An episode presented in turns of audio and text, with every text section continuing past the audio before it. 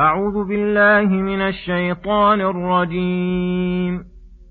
حرمت عليكم الميتة والدم ولحم الخنزير وما أهل لغير الله به والمنخنقة والموقوذة والمتردية والنطيحة والمتردية والنطيحة وما أكل السبع إلا ما ذكيتم وما ذبح على النصب وما ذبح على النصب وأن تستقسموا بالأزلام.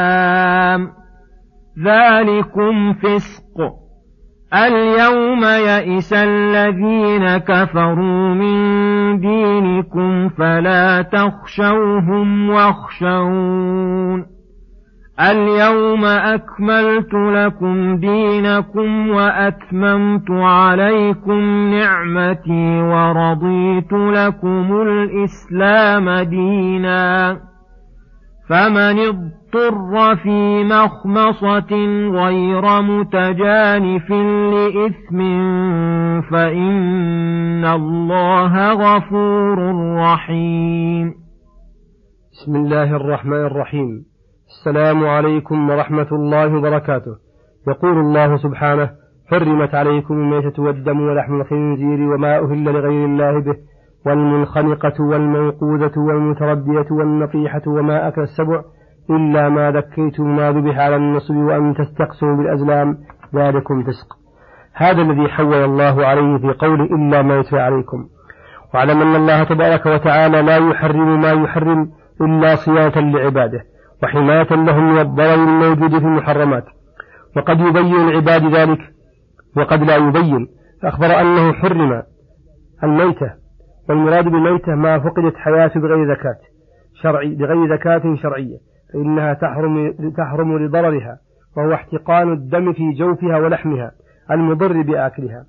وكثيرا ما تموت بعلة تكون سببا لهلاكها فتضر بالآكل.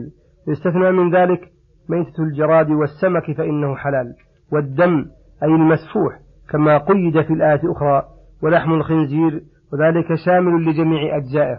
وإنما نص الله عليه من بين سائر الخبائث من السباع لأن طائفة من الكتاب من النصارى يزعمون أن الله حله لهم أي فلا تغتروا بهم بل هو محرم من جملة الخبائث وما أهل لغير الله به أي ذكر عليه اسم غير الله من الأصنام والأولياء والكواكب وغير ذلك المخلوقين فكما أن ذكر الله تعالى يطيب الذبيحة فذكر اسم غيره عليها يفيدها خبثا معنويا لأنه شرك بالله تعالى والمنخلقة أي الميتة بخنق بيد أو حبل أو إدخالها رأسها بشيء ضيق فتعجز عن إخراجه حتى تموت.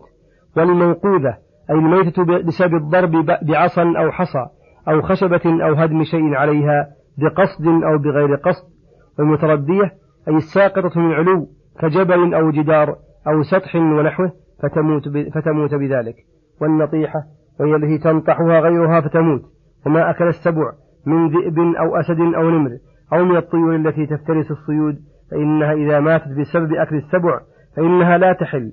وقوله إلا ما ذكيتم راجع لهذه المسائل من منخنقة وموقوذة ومتردية ونطيحة وأكيلة سبع إذا ذكيت وفيها حياة مستقرة لتتحقق الزكاة فيها. ولهذا قال الفقهاء لو أبان السبع أو غيره حشوتها أو قطع حلقومها كان وجود حياتها كعدمها لعدم فائدة الزكاة فيها. وبعضهم لم يعتبر فيها إلا وجود الحياة فإذا ذكاها وفيها حياة حلت ولو كانت مبانة الحشوة وهو ظاهر الآية الكريمة. وأن تستقسموا بأزلام أي وحرم عليكم الاستقسام بأزلام ومعنى الاستقسام طلب ما يقسم لكم ويقدر بها وهي قداح ثلاثة كانت تستعمل في الجاهلية مكتوب على أحدها افعل وعلى الثاني لا تفعل والثالث غفل لا كتابة فيه. فإذا هم أحدهم بسفر أو عرس أو نحوهما أجال تلك القداح المتساوية في الجرم ثم أخرج واحدا منها. فإن خرج المكتوب عليه افعل مضى في أمره. وإن ظهر المكتوب عليه لا تفعل لم يفعل ولم يمضي في شأنه. وإن ظهر الآخر الذي لا شيء عليه أعادها حتى يخرج أحد القدحين فيعمل به. فيعمل به. فحرم الله عليهم الذي في هذه الصورة وما يشبهها وعوضهم عنه باستخارة ربهم في جميع أمورهم. ذلكم فسق الإشارة لكل ما تقدم من المحرمات التي حرمها الله صيانة لعباده وأنها فسق أي خروج عن طاعته إلى طاعة الشيطان ثم امتن على عبادي بقوله اليوم يئس الذين كفروا من دينكم الآية. واليوم المشار إليه يوم عرفة الذي أتم الله دينه ونصر عبده ورسوله وانخذ أهل الشرك انخذالا بليغا بعدما كانوا حريصين على رد المؤمنين عن دينهم طامعين في ذلك. فلما رأوا عز الإسلام وانتصاره وظهوره يئسوا كل اليأس من المؤمنين أن يرجعوا إلى دينهم فصاروا يخافون منهم ويخشون. ولهذا في هذه السنة التي حج فيها النبي صلى الله عليه وسلم سنة عشر حجة الوداع لم يحج فيها مشرك ولم يطف بالبيت عريان. ولهذا قال فلا تخشوهم واخشوني أي فلا تخشوا المشركين واخشوا الله الذي نصركم عليهم وخذلهم ورد كيدهم في نحورهم. اليوم أكملت لكم دينكم بتمام النصر وتكميل الشرائع الظاهرة والباطنة الأصول والفروع. ولهذا كان الكتاب والسنة كافيين كل الكفاية في أحكام الدين وأصوله وفروعه. فكل متكلف يزعم أنه لا بد للناس من معرفة عقائدهم وأحكامهم إلى علوم غير علم الكتاب والسنة من علم الكلام وغيره فهو جاهل مبطل في دعواه قد زعم أن الدين لا يكمل إلا بما قاله ودعا إليه وهذا من أعظم الظلم والتجهيل لله ولرسوله. وأتممت عليكم نعمتي الظاهرة والباطنة ورضيت لكم الإسلام دينا. اخترته واصطفيت لكم دينا كما ارتضيتكم له. فقوموا به شكرا لربكم واحمدوا الذي من عليكم بأفضل الأديان وأشرفها وأكملها.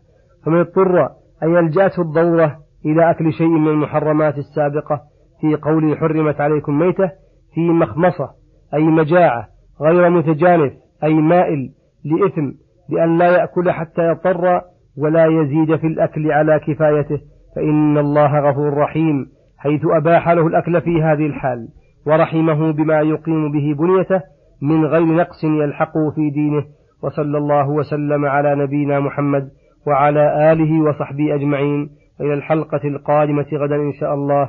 والسلام عليكم ورحمة الله وبركاته.